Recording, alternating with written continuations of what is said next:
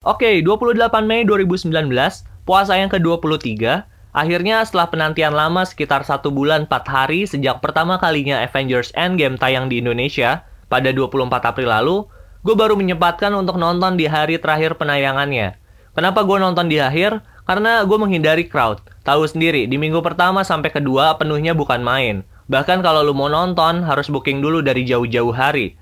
Pas nonton, hanya ada enam orang termasuk gue ada satu momen menarik. Jadi ada jeda satu kursi kosong antara kursi gue dengan kursi penonton lain yang kebetulan diisi oleh mas-mas.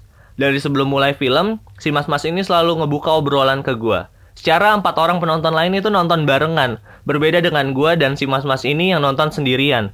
Di pertengahan film, si mas-mas ini naruh popcornnya di tengah-tengah kursi kosong dan nawarin gue buat bantuin ngabisin popcornnya. Dari sebuah komunikasi membuka pintu-pintu rezeki yang tak terduga. Thank you so much, gue Zaki Irwandi.